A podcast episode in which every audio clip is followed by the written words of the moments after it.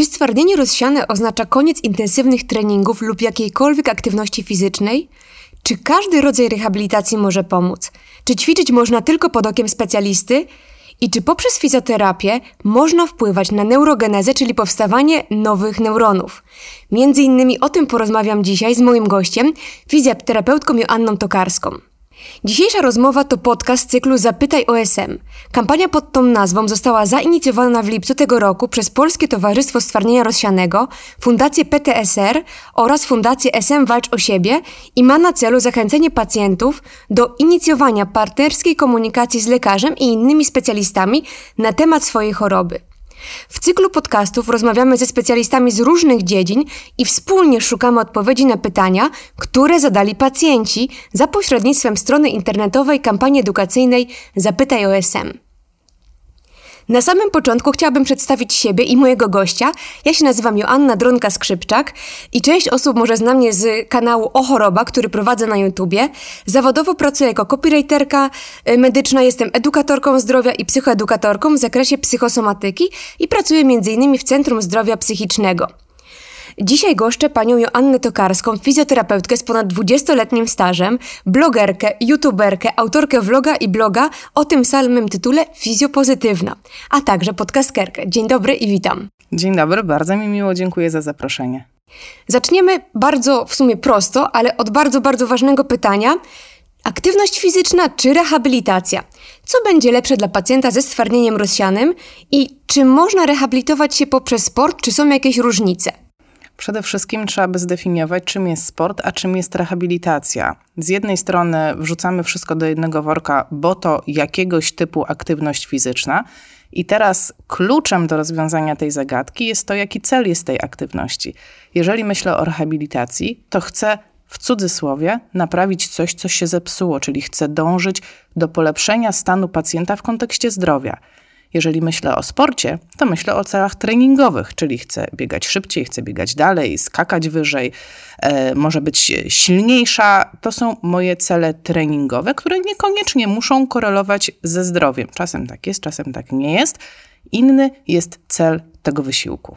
Więc czy można się rehabilitować przez sport? Jak najbardziej, jeżeli ustawię swoje cele w taki sposób, aby korelowały one z moim stanem zdrowia. I mamy wiele badań naukowych, które potwierdzają korzystny wpływ e, sportu, korzystny wpływ wysiłku fizycznego u osób chorujących na SM.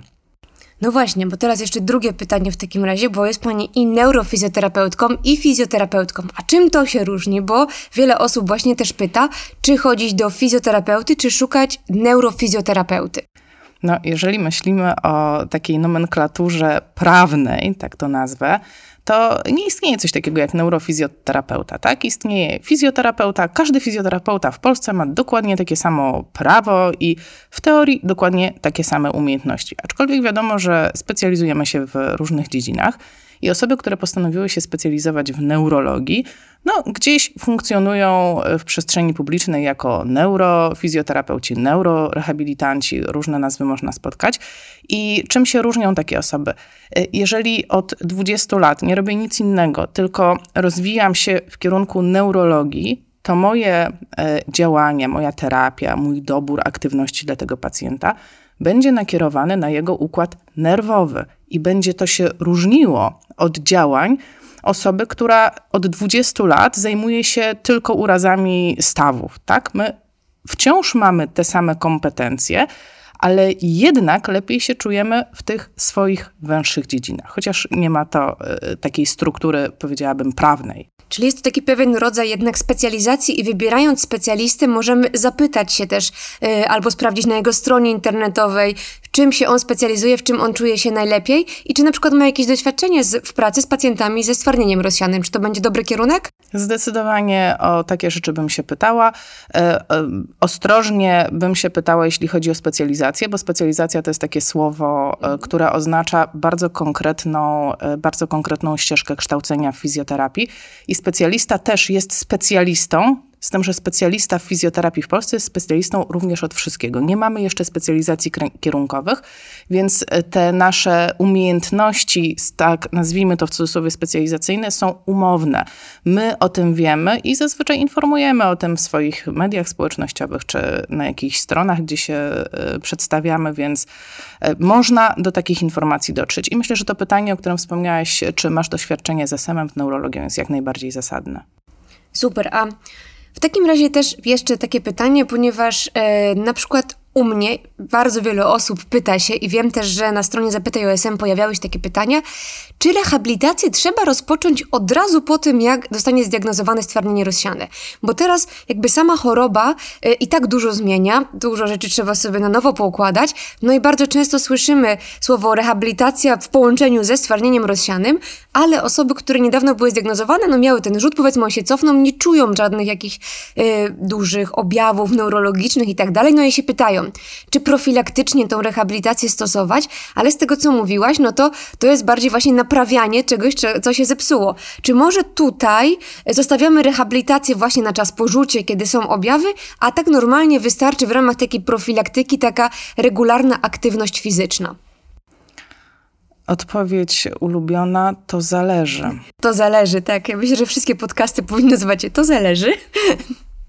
Coś w tym jest. Po pierwsze, jeżeli mamy diagnozę, uważam, że jak najbardziej zasadne byłoby skonsultować się z fizjoterapeutą, nawet jeżeli nie mam problemów. Dlaczego? Ponieważ częścią procesu rehabilitacji jest fizjoprofilaktyka, czyli ja już dziś myślę o tym, co się może wydarzyć za 10, za 20 lat. I osoba, która pierwszy raz spotyka się z taką chorobą, może tego nie wiedzieć. To jest pełne prawo, że możesz tego nie wiedzieć. Ale od tego jestem ja, fizjoterapeutka, że ja to wiem.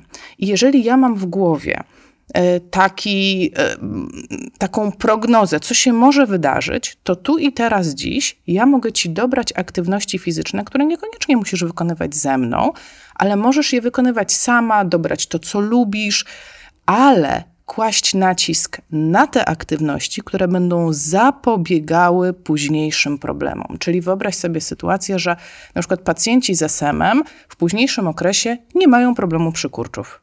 Albo pacjenci z SM-em nie mają problemu niewydolności oddechowej, mają większą wytrzymałość, większą tolerancję fi e, wysiłku fizycznego. I to wszystko można zacząć już od dnia numer jeden w momencie postawienia diagnozy. No właśnie, ponieważ w ogóle temat sportu i stwardnienia rozsianego i w ogóle aktywności fizycznej i stwardnienia rozsianego jest dla wielu osób trudny. Trudny między innymi dlatego, że osoby, które dostają diagnozę już wcześniej ćwiczyły. I to nie tak, że czasami sobie tam ćwiczyły jakoś okazjonalnie, tylko naprawdę ćwiczyły intensywnie, chociażby startowały w maratonie, dźwigały ciężary. Tak jak mówię, ten problem dotyczy często młodych osób, które y, miały tą aktywność na co dzień, no i potem słyszą y, w gabinecie lekarskim, proszę się nie przemęczyć, nie przegrzewać i pytają, czy ja mogę nadal kontynuować tą moją pasję, którą jest ten sport, być może bardziej wyczynowy, bardziej intensywny, czy to może mi y, zaszkodzić? Mm, czy istnieje jakaś taka mm, przestrzeń dla sportów ekstremalnych w stwardnieniu rozsianym? Czy faktycznie intensywny wysiłek może zaszkodzić? Jak to dobrać i tutaj y, zbalansować? To jest super ciekawy temat, ponieważ jest bardzo wiele wątpliwości i bardzo wiele opinii. I w pewnym sensie one są uzasadnione, bo e, kilkanaście lat temu były wykonywane badania, które sugerowały, że rzeczywiście, jeżeli będziemy przesadzać z wysiłkiem fizycznym, to ryzykujemy wystąpienie rzutu. Ale tych badań nie udało się potwierdzić.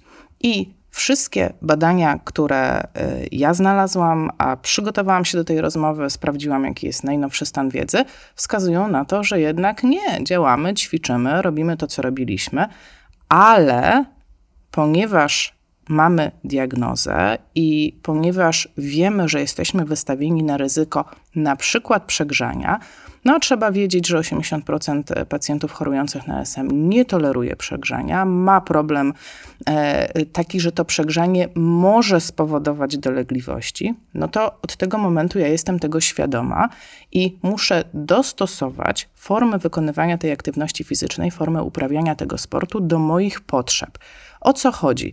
No, w dużym skrócie chodzi o chłodzenie nie chcę się przegrzać. Czyli jeżeli, e, dajmy przykład, jestem, e, kocham siłownię, e, dźwigam ciężary, dźwigałam wcześniej, teraz mam diagnozę, ale chcę dźwigać dalej, to pilnuję, żeby tak dobrać siłownię, żeby było na niej chłodno. Pilnuję tak, E, żeby poprowadzić mój trening, zaplanować go, żeby między seriami miała szansę się schłodzić. I dbam o to, bo jestem świadoma, to jest właśnie ta różnica. To jest coś, czego dowiem się od fizjoterapeuty, który mi e, udzieli wskazówek, jak to wykonywać w mojej, e, w mojej dyscyplinie sportu, w mojej ulubionej aktywności. Więc to chłodzenie będzie tutaj kluczem i takie świadome podejście do uprawianej dyscypliny. I jeżeli pomyślimy nad tym globalnie, jaki mamy większy problem, czy więcej pacjentów boi się uprawiać sportu, bo im się pogorszy, czy więcej pacjentów pogorszyło się z powodu uprawiania sportu, no to tutaj statystyki są bezlitosne. Większość osób obniża wykonywanie aktywności fizycznej po usłyszeniu diagnozy. A te długofalowe skutki choroby też są no niestety bezlitosne, bo spada wydolność oddechowa, spada siła mięśniowa, spada, e, pogarsza się równowaga, pojawiają się upadki, spastyczność itd., tak itd. Tak I w dużej mierze tym rzeczom można zapobiegać właśnie ruszając się i właśnie uprawiając swój ulubiony sport. Więc ja bym doradzała, zostań w swojej aktywności, kochasz to, rób to, rób to rozsądnie. Jeżeli potrzebujesz troszeczkę zmniejszyć obciążenia, zrób to. Jeżeli potrzebujesz się częściej chłodzić, zrób to. Bądź uważny na swoje ciało, ale nie ograniczaj się. No tutaj mi trochę odpowiedziałaś też na moje właśnie kolejne pytanie, ponieważ właśnie z tym spadkiem aktywności związane, albo wręcz z brakiem zupełnym aktywności, no bo są osoby, które mm, no już przed diagnozą nie były do końca aktywne fizycznie, niezbyt to lubią, nie, yy, nie mają problemu z tym, że będą musiały z tego zrezygnować, ale jakie będą konsekwencje tego, jeżeli nie podejmiemy takiej regularnej aktywności fizycznej, czyli dlaczego jednak po diagnozie, nawet jeżeli nie robiliśmy tego przed diagnozą, dlaczego to jest dobry moment, żeby taką regularną aktywność fizyczną wdrożyć. Najbardziej praktycznych stron to mamy dane, które wskazują, że 30, e, że wydolność oddechowa pacjentów chorujących na SM jest o 30% mniejsza niż osób zdrowych. Mamy badania, które wskazują, że osoby chorujące na SM ruszają się mniej niż osoby zdrowe. I tutaj na chwilę muszę się zatrzymać na tym ruchu, bo mamy dwa rodzaje aktywności. Jedna to jest aktywność fizyczna, czyli ile ja tego ruchu mam w skali tygodnia, ile ja poszłam, pospacerowałam, ile ja poszłam, pobiegałam, ile pojeździłam na rowerze, ile czasu niosłam zakupy, tego typu rzeczy, taka typowa aktywność. I to jest jedna strona medalu, ale druga strona medalu to jest ta taka e, aktywność podstawowa na co dzień, czyli ten styl życia. Tak e, w uproszczeniu, czy ja jestem osobą, która zalega na kanapie i prosi, żeby mi przyniesiono herbatę, czy ja jestem z tych, co się krzątają. I ci, co się krzątają, generalnie żyją dłużej i żyją lepiej. I to też mamy zbadane e, i potwierdzone, że ta podstawowa aktywność, ten właśnie styl życia jest naprawdę kluczem. Więc tak się mówi, nie bądź kanapowym ziemniakiem. I to by była taka pierwsza rzecz, którą no, należy zmienić. No, no, I to każdy musi to zmienić, nie tylko osoby Tak, to dotyczy też osób ogólnie. Oczywiście. Każdy sobie powinien zadać to pytanie, uczciwie na nie odpowiedzieć. Oczywiście. A ale osoby chorujące na SM, zresztą tak samo jak osoby chorujące na inne e, schorzenia neurologiczne, z badań wynika, że one jeszcze mniej mają aktywności niż osoby zdrowe. Średnio godzinę y, czasu mniej poruszają się niż osoby zdrowe. Mają mniej aktywności fizycznej, że generalnie y, większym problemem jest ten lęk przed aktywnością fizyczną niż nadmiar tej aktywności fizycznej. I czy po diagnozie jest czas na zmianę? Oczywiście, że tak. E, Im szybciej, tym lepiej. E, muszę zaznaczyć, że badania były prowadzone tylko na osobach e, dobrze funkcjonujących funkcjonujących, czyli chodzących, e, radzących sobie samodzielnie. E, I tam bezwzględnie wychodzi na to, że im więcej się ruszasz, im więcej masz aktywności, jeżeli podejmujesz e, trening, podejmujesz trening siłowy, podejmujesz trening aerobowy, to zaczynasz się poprawiać. I z czym to się wiąże? że no tak, takie przysłowiowe, ja bardzo nie lubię straszenia, tak, Mhm. ale każdy gdzieś tam się spodziewa, o kurczę, no kiedyś usiądę na wózek. No i chyba warto zawalczyć o to, żeby to był 2040, a nie 2030, prawda? Mhm. Albo w ogóle. Albo w ogóle, tak? Dokładnie, to jest, to jest to, co możemy zrobić teraz. Ja jeszcze tak właśnie mi się nasunęło, jak e, słuchałam tego, co mówisz w kwestii tego, że właśnie pacjenci z SM-em mają tą godzinę mniej aktywności i zastanawiam się też, na ile się to wiąże z trochę z takim przewlekłym zmęczeniem, bo tutaj też jest taka kwestia z, mojej, z mojego doświadczenia pracy właśnie z pacjentami, że oni często, no, żyjąc normalnie, mają pracę, rodziny i tak dalej, to im pochłania dużo czasu i energii i gdzieś już tej energii, jako że szybciej się męczymy i taka jest prawda, brakuje na tą aktywność, ale traktujemy ją tak trochę, no na to mi może braknąć, na pracę nie może braknąć, na obowiązki domowe braknąć nie może, a na aktywność fizyczną, czy właśnie jakoś tam dla siebie trening może. I pytanie, jak tutaj sobie to może e, trochę poukładać i jakby, czy faktycznie to przewlekłe zmęczenie może mieć wpływ i czy aktywność fizyczna paradoksalnie może nam pomóc w radzeniu sobie z takim przewlekłym zmęczeniem. No i tutaj mamy tak naprawdę nawet nie jedno dno, nie dwa dna, e, kilka den, tak bym powiedziała. Z jednej strony muszę sobie zadać pytanie, czy ja jestem zmęczona fizycznie, czy ja jestem zmęczona psychicznie, co mnie zmęczyło, jaki to jest rodzaj zmęczenia. Czasami przychodzę z pracy po 8 godzinach siedzenia przed komputerem albo po 10, bo teraz naprawdę lubimy dużo pracować i jestem wykończona i wydaje mi się, że jedyne czego potrzebuję to położyć się na kanapie i patrzeć w sufit albo w serial ale w tym samym czasie moje ciało błaga o to, poruszaj mną chociaż troszeczkę, bo przez te wszystkie godziny ja byłem w bezruchu y, i moje stawy potrzebują tego ruchu. Więc to jest taka jedna strona medalu. Czy ja jestem zmęczona po długim dniu w bezruchu, czy ja jestem zmęczona po długim dniu chodzenia. Inny rodzaj zmęczenia będzie miała osoba, która przez cały dzień obsługiwała klientów na stojąco i podawała przedmioty spółek, a inny rodzaj zmęczenia będzie miała osoba, która cały dzień siedziała w bezruchu, ewentualnie odbierała telefony i patrzyła w komputer. Więc tutaj musimy rozeznać, co jest moim takim prawdziwym problemem. Druga rzecz, która może się wydarzyć, ja faktycznie mogę cierpieć na ten zespół przewlekłego zmęczenia, i wtedy muszę wdrażać e, aktywności, wdrażać podejście, które będzie nacelowane na ten zespół, ale tego najłatwiej byłoby poprosić o pomoc specjalistę i nauczyć się zarządzania sobą w czasie i zarządzania sobą e, i swoimi zasobami energii. I żeby to zrobić, to ja muszę rozpoznać, ile tej energii mam, e, czy to jest mój dobry dzień, czy to jest mój słabszy dzień, jaki generalnie, jaki zasób energii miewam i nauczyć się tą energią zarządzać troszeczkę tak jak e, baterią dostępną w telefonie. Tak, tak, Więc... dokładnie. To tak macham głową, bo ja dokładnie jak pracuję też z pacjentami, tego ich właśnie uczę, tym zarządzaniem, taką energią w ciągu, w ciągu dnia i wiem, jakie to jest ważne, bo na przykład jak była ta, e, czy był ten przykład właśnie osobą, która pracuje w sklepie i podaje rzeczy, no to ona w ciągu dnia powinna znaleźć trochę czasu na wyciszenie, na naładowanie jakby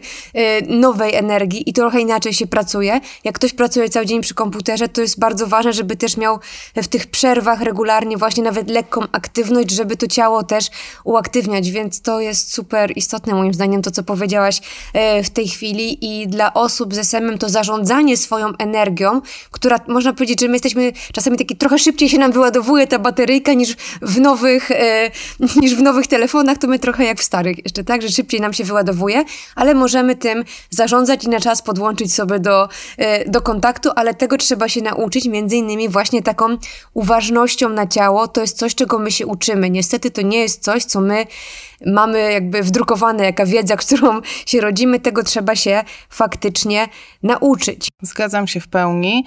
E, muszę dodać jeszcze trzecią warstwę do, tej, e, do, tej, do tych tez, które zostały postawione taka warstwa fizjoterapeutyczna. Mamy mocne dowody naukowe, że jeśli podejmiesz aktywność fizyczną, zwłaszcza o charakterze takim tlenowym, czyli na przykład y, szybki chód, tak po prostu, to ta, ten poziom tolerancji, ten poziom energii będzie się zwiększał. Czyli to nie do końca musi być tak, że o, tyle mam, no to już tym zarządzam. Mhm. Nie, ja mogę aktywnie wpływać na to, żeby tej energii było więcej. I to są rzeczy, których trzeba się po prostu nauczyć. I właśnie dlatego potrzebujemy wsparcia fizjoterapeuty, dlatego potrzebujemy wsparcia psychologa, takie jest moje zdanie, bo wtedy będziemy sobą zarządzać i jak najdłużej będziemy sprawni. Daj Boże, w ogóle zawsze. Super. E, I tutaj właśnie dochodzimy do takiego momentu, no zakładamy, że ktoś dostaje diagnozę, ma tego świadomość wszystkiego, co powiedzieliśmy, albo wysłuchał ten podcast i mówi, dobra, to ja się za to zabieram. No i teraz właśnie, jest już zrozumienie tego znaczenia tej aktywności e, fizycznej, ale czy są takie rodzaje aktywności? Wiadomo, że to trzeba dobrać indywidualnie do pewnego stopnia, ale na przykład na jednej z konferencji usłyszałam, że dla osób ze stwardnieniem rozsianym to dobre są ćwiczenia na nierównym podłożu.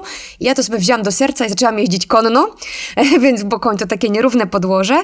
E, czy faktycznie tak jest? Czy są jakieś takie ogólne zalecenia, które można e, dać? Do, do, po co sięgać, tak? Gdzie, gdzie szukać tej aktywności i jak ją wybrać? Jakie kryteria powinny nam przyświecać? To zależy. Tak. Generalnie, generalnie trzeba zdawać sobie sprawę, z czym może się wiązać fakt, że choruje na SM. I są rzeczy, które widać, a są rzeczy, których długo, długo nie będzie widać, ale na samym końcu spowodują bardzo dużo kłopotów. I tymi takimi rzeczami, których nie widać na samym początku, jest na przykład obniżony pułap tlenowy, czyli obniżona tolerancja wysiłku. Ja mogę tego nawet nie dostrzec, bo to narasta miesiącami, latami, e, nawet w tych postaciach, gdzie mam rzut, a potem wycofuję się. Może być tak, że odrobinka zostaje i nawet tego nie dostrzegam. Dlatego najwięcej dowodów naukowych znajdujemy na to, że zwykły trening o charakterze tlenowym, czyli tak jak powiedziałam, to co naprawdę najprostsze rzeczy, które robimy, e, jeżdżenie na rowerze, szybkie spacery, jakiś jogging, no kto co lubi tak naprawdę, w tym jazda konna, bo jazda konna też może być e, jak najbardziej wysiłkową, e, wysiłku, o, to jest bardzo tak? wysiłkowy, tak. Więc tutaj absolutnie nie ma żadnych ograniczeń, chodzi o ten charakter, że troszeczkę się zdyszałam. Mhm. Nie to, że zieję i nie mogę wytrzymać, tylko po prostu jestem tak, jakbym miała z kimś rozmawiać obok, to nie będzie to płynna rozmowa. Będę miała tam drobny problem e, z tym, żeby się e, wypowiedzieć w czasie takiego wysiłku. Więc to są ćwiczenia, które mają najwięcej dowodów naukowych. Na drugim miejscu są ćwiczenia o charakterze oporowym, czyli siła, czyli siłownia, czyli e, jakieś hantelki, wszystko, co będzie oporowe, a nawet i takie zwykłe ćwiczenia typu robienie przysiadów, czy robienie pompek, czy pompek takich, jak to się mówi, damskich, czyli na kolanach. E, ja rzucam przykładami, nie chcę, żeby ktoś pomyślał, o rany, nienawidzę pompek, na pewno tego nie będę robił. Chodzi o to, żeby mieć taki wysiłek, gdzie muszę pokonać jakiś opór. Czy jest jakiś idealny wysiłek fizyczny? Typ idealnego wysiłku fizycznego? Tak, ten, który będziesz wykonywać ten, który ci będzie odpowiadał, ten, który będzie ci sprawiał frajdę i w który będziesz w stanie utrzymywać przez y, długi czas, czyli który będzie po prostu na tyle fajny, że nie zaprzestaniesz po miesiącu, o dobra, już dość, mam tego, nie będę tego robić, bo jednak mi to nie sprawia przyjemności.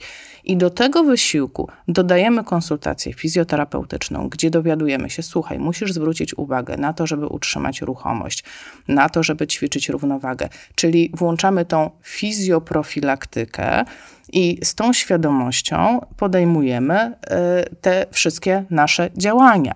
Są oczywiście wytyczne, w większości przypadków one się e, sprowadzają do tego, że 3-4 razy w tygodniu powinien to być trening o charakterze aerobowym, a dwa razy w tygodniu trening o charakterze siłowym. Czyli tak naprawdę 5 razy w tygodniu powinniśmy coś ze sobą zrobić i teraz, żeby nikt nie spanikował, to nie muszą być długie, półtora godzinne treningi.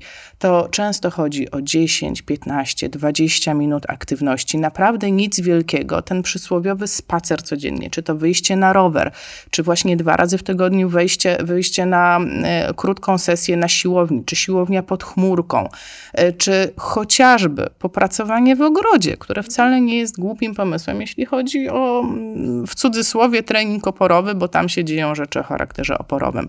I tutaj bym zachęcała do tego, żeby właśnie przemyśleć, co ja jestem w stanie robić długo, co mi się podoba, co mi sprawia frajdę i do tego dodać e, elementy, co powinienem wdrożyć, żeby nie chorować szybciej, mocniej, mieć te skutki takie bardziej poważne i to dopiero zacząć powoli wdrażać. Też bardzo ważna rzecz, jeżeli ktoś nie ćwiczył wcześniej, nie e, uprawiał aktywności, zacznij powoli.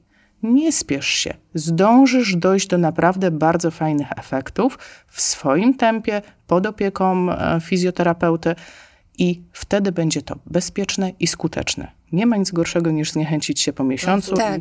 i jeszcze pogorszyć Bo to jest też takie frustrujące zdrowia. czasem, bo ludzie pamiętają siebie powiedzmy sprzed choroby, że ja tu mogłem tyle i tyle, a teraz co się zabiorę, to jakby to nastawienie takie na cel i jakby odwoływanie się do swojego stanu przed, zamiast motywować, to nas po prostu ściąga w dół. Ja z mojej perspektywy też jeszcze powiem, żeby się nie bać zupełnie nowych aktywności, bo też wiele osób mówi, jak już wtedy nie zacząłem, to gdzie ja teraz z tym SM-em będę na rolkach jeździć albo na konie pójdę jako tam już dorosły człowiek i tak dalej.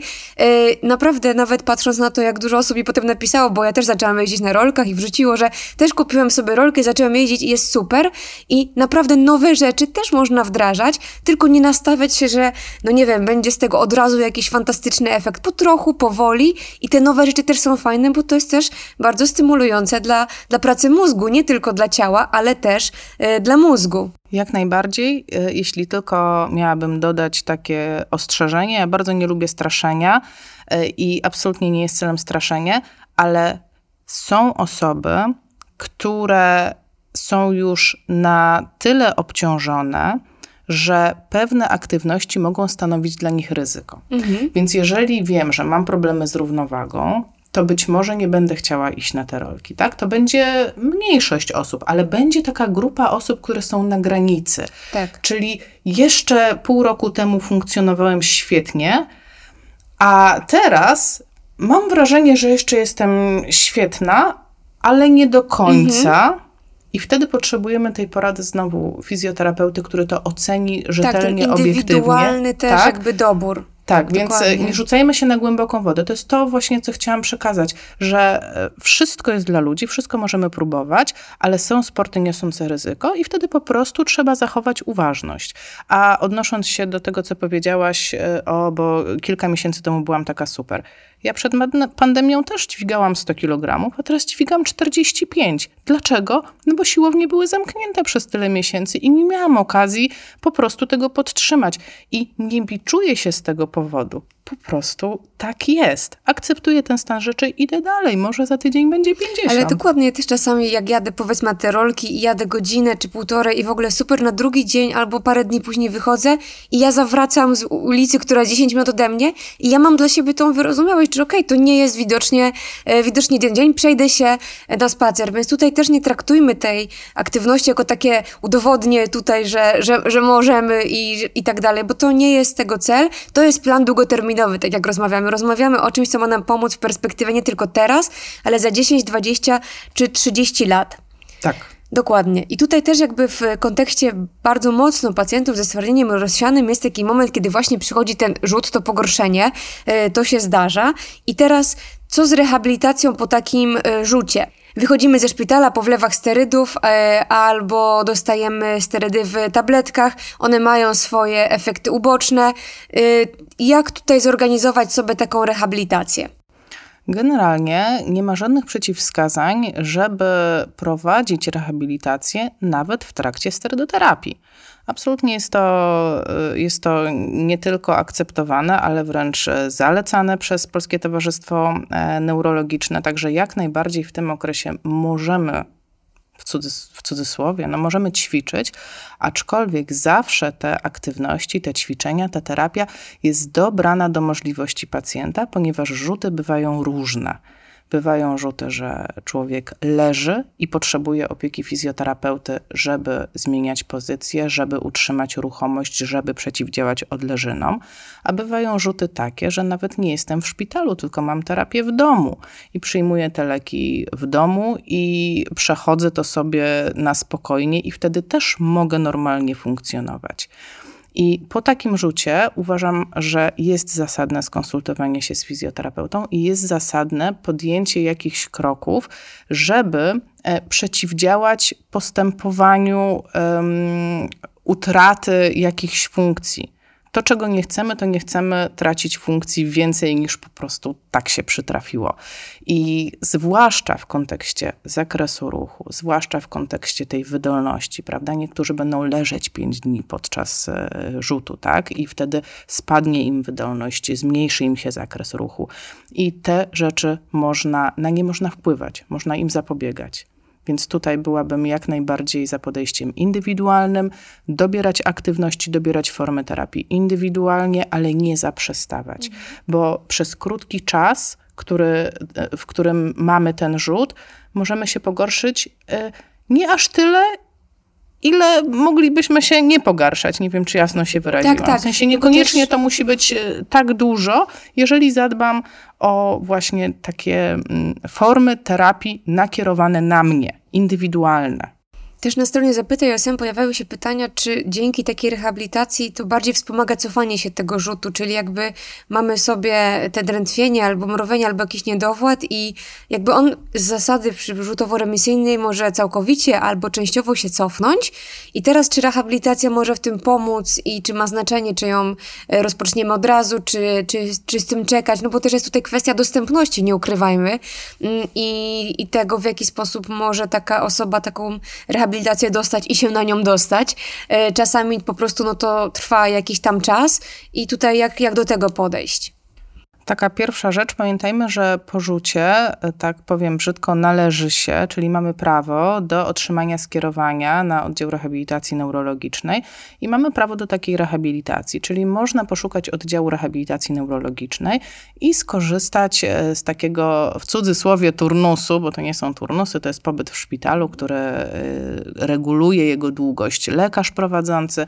Mamy jakieś wytyczne z NFZ-u, jak to powinno wyglądać i generalnie ta dostępność jakaś jest. Być może warto skorzystać z tej formy rehabilitacji. Można też skorzystać z formy ambulatoryjnej, czyli przyjeżdżać na tą rehabilitację. Osoby, które są e, w cięższym stanie, osoby leżące, mogą korzystać z rehabilitacji domowej, tak systemowo po mhm. prostu w Polsce, więc e, tych form jest troszkę. Warto się tym zainteresować.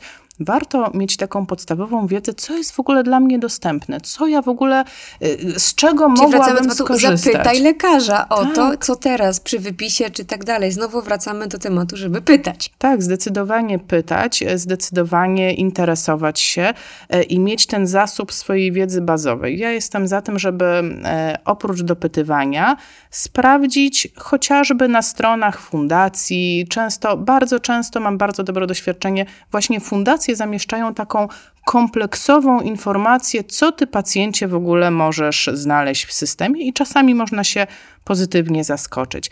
A wracając do twojego tematu, e, czy fizjoterapia pomoże w wycofywaniu się tego rzutu? No, bardzo bym chciała powiedzieć e, tak, e, po Możemy prostu wszystko. my wszystko damy radę. No, prawda jest taka, że ja badań, które by mówiły mm, tak, przy sterydoterapii, jeżeli jest rehabilitacja, to pacjenci wracają szybciej. Chciałabym przytoczyć takie badania, niestety nie udało mi się takich znaleźć. Być może ktoś zna, to ja z chęcią poproszę o podesłanie, z chęcią się zapoznam. No ale jednak w tym takim ostrym okresie to opieramy się na wiedzy lekarskiej, opieramy się na diagnozie, opieramy się na tym, co powie lekarz. E, fizjoterapia ma bardzo ważną rolę, tak, tak jak powiedziałam, zapobiegawczą i tak dalej, ale nie doszukujmy się e, leczenia SM-u e, fizjoterapią, leczenia w takim kontekście, to teraz wygasimy ten stan zapalny. Mhm. Tutaj jest, tutaj właśnie tak jak mówię, jest ta rola leków i lekarza, po tutaj już można trochę bardziej oddać pałeczkę właśnie fizjoterapeucie i, i podziałać. Ja to tak rozumiem, tak? Ja myślę, że nawet e, powiedziałabym, idealna sytuacja jest taka, kiedy lekarz współpracuje z fizjoterapeutą i ja absolutnie nie mam e, żadnych obaw. E, dzwonię do lekarza, czy piszę notatkę do lekarza, podpytuję się, panie doktorze, a czy ja już mogę z tym pacjentem na przykład wprowadzić wysiłek o submaksymalnej, submaksymalnej. I wtedy doktor mówi, nie, pani Jasiu, jeszcze nie, teraz nie, proszę się wstrzymać, za trzy dni pani zacznie, ale teraz może pani tam, nie wiem, rozciągać i zrobić masaż i, nie wiem, ćwiczenia oddechowe. Mhm. Czyli Więc... dostosowujemy też indywidualnie i ta współpraca specjalistów ma tutaj bardzo, bardzo duże znaczenie. Dobrze. I teraz chciałabym zapytać się też o objaw, no bo jest taka e, ogólnie jest taki dylemat pacjentów, no bo cały czas coś komuś jest, cały czas jakby, czy jak mamy diagnozę, to jesteśmy jeszcze trochę bardziej wyczuleni, no więc czujemy jakieś tam drętwienia, mrowienia, czy inne e, objawy różnego rodzaju, czasami dosyć delikatne, no ale one nas martwią. No i teraz takie pytanie się pojawia, kiedy do lekarza, kiedy do fizjoterapeuty, jakby na co zwracać uwagę, jakie symptomy ze strony ciała, że coś się dzieje nie tak, że tutaj powinny nas skierować te kroki do, do właśnie gabinetu czy lekarskiego, czy fizjoterapeutycznego. Ponieważ e, choroba jest niesłychanie różnorodna, to trudno jest podać takie e, globalne objawy, na co każdy powinien uważać. Więc to, co powinno zwrócić naszą uwagę, to pojawienie się czegoś nowego, i czegoś, czego nie było wcześniej, albo znamy to z wcześniejszych rzutów, ale się wycofało. Czyli nagle tracę władzę w ręce, nagle mam drętwienia, mrowienia, utrzymują się kilka dni, nie przechodzą. Nagle mam, nie wiem, zaburzenie wzroku. Cokolwiek, co będzie nagłe i nie będę tego wiązać z innymi czynnikami, bo pamiętajmy o tym, że rzut może się pojawić na przykład w przebiegu mm, choroby, infekcji, tak? I wtedy jest to, jak to nazywamy, pseudorzut, tak? Że on się wycofa w momencie, w którym skończymy chorować. I tutaj w, moim, w mojej ocenie niesłychanie ważna jest, e, niesłychanie ważna jest taka umowa z lekarzem, taki, takie porozumienie, to co zrobiliśmy już na samym początku. Pani doktor, a czym ja mam się martwić? Kiedy ja mam się martwić? Kiedy ja mam do pani wrócić? Albo kiedy mam się zacząć interesować? Tak, padło pytanie, czy mam przyspieszyć wizytę na przykład, jeżeli mam na wrzesień, a objawy mi się w lipcu zrobiły. Czy przyspieszać, czy czekać do tego września? Jeżeli mam nowe objawy i one się utrzymują kilka dni, no to bezwzględnie przyspieszam tą wizytę albo po prostu szukam innej, albo szukam pomocy w, w kontakcie z lekarzem podstawowej opieki zdrowotnej. E, ja uważam, że należy zareagować po kilku dniach utrzymujących się objawów, zwłaszcza kiedy nie mamy żadnego pomysłu, skąd one by się mogły wziąć. Bo czasami rzeczywiście tak może być i to również u osób zdrowych. E, zestresuje się, zdrętwiała mi połowa twarzy. No, ja doświadczam od czasu do czasu tak, takich no, objawów. paniki, czy właśnie lęku, czy w ogóle jakiś objaw psychosomatyczny może do złudzenia imitować objawy stwardnienia rozsianego i rzutu. No i teraz trzeba się zastanowić, dobrze, no to czy to jest, czy ja się zestresowałam, czy mam jakieś inne czynniki, które mogły wywołać tego rodzaju objawy, czy nie. I wtedy podejrzewam ten rzut. I każdy rzut, no tak się definiuje rzut, tak, że on trwa 24 godziny albo dłużej. Te 24 godziny to jest taka wartość graniczna. E, I jeżeli utrzymuje mi się to 2, 3, 4 dni, no to już kontaktuję się z lekarzem, no nie czekam. Dokładnie. Bo chyba lepiej to zastopować, albo wręcz dowiedzieć się, a znowu pani spanikowała. No to wciąż to jest Lekarz lepsze... też robi badanie neurologiczne i może wyłapać coś, czego my jakby nie widzimy, gdzieś jakieś ubytki neurologiczne, które dla nas są nie no po to jest to badanie, tak, które dla nas są niezauważalne i on jest w stanie na tej podstawie też podjąć jakąś decyzję, czy zlecić właśnie jakieś dodatkową suplementację, czy leki, yy, powiedzieć co dalej. Dlatego ja też jestem wielkim zwolennikiem mienia takiego, mienia lekarza, z którym mam kontakt, tak, że jak coś się dzieje, to ja mogę napisać, zadzwonić, yy, albo no chociażby SMS-a napisać, że coś się dzieje, poprosić o kontakt, bo to daje mi takie poczucie, że jak jestem w trudnej sytuacji i nie wiem, no to ktoś mi, ktoś mi pomoże, bo ja wiem, że nie jestem w stanie tego samodzielnie y, ocenić. Y, też z drugiej strony właśnie warto, z mojej perspektywy, czasami iść na przykład do fizjoterapeuty równolegle, bo tak było w przypadku mojego mrowienia rąk, gdzie poszłam też do fizjoterapeuty, bo myślałam, że być może no to coś tam od kręgosłupa, czy jakieś cieśni, nadgarstka i tak dalej. On to wykluczył, no to też już była kolejna dla mnie informacja, że jednak ten neurolog, więc tutaj to, y, to jest bardzo ważne, żeby się faktycznie pytać i konsultować, a nie czekać, albo może przejdzie. Zdecydowanie tak. Takim moim wielkim marzeniem jest i mam nadzieję, że ono się spełni przynajmniej w Polsce że każdy specjalista, każdy medyk będzie miał dostęp do platformy y, takiej elektronicznej, gdzie my wszyscy będziemy widzieć, co się dzieje. I nawet jeżeli ja odwiedzę mojego pacjenta na tak zwanej domówce i zauważę, że coś jest nie tak, czasami, wiesz, czasami są takie subtelności, że pacjent mi się nie poprawia. Dlaczego on mi się nie poprawia? Powinno coś się zmieniać. Czasami, wiesz, jest taki niepokój w nas mm -hmm. i mhm. wtedy ja mogę te objawy zapisać i bezpośrednio, jak y, pacjent się kontaktuje z lekarzem, to lekarz może mieć dostęp do tego, co ja sobie tam zapisałam. I to jest, zobacz, jaka to jest piękna sytuacja, gdzie każdy, sytu- każdy medyk, który się tobą zajmuje, ma dostęp do twojej karty medycznej, ty tego nie nosisz, to jest gdzieś w chmurze. Tak. E, I wtedy pojawia się ta kompleksowość, ta, e, ten, ten, ten team terapeutyczny wokół pacjenta, o którym tak marzymy. To jest takie marzenie, tak. No taką optymistyczną wizją zakończymy dzisiejszą rozmowę. Bardzo, bardzo Ci dziękuję za opowiedzenie y, na te wszystkie pytania, na pytania, które właśnie były zadawane przez Was, przez, przez pacjentów y, na stronie Zapytaj OSM. Nadal możecie zadawać pytania na tej stronie. Jeżeli będą one się pojawiały, na pewno będziemy kontynuować tutaj y, próby odpowiedzi, bo ich jest ich bardzo, bardzo dużo. Jeszcze raz bardzo, bardzo Ci dziękuję i zapraszam na nasze kolejne podcasty. Bardzo dziękuję.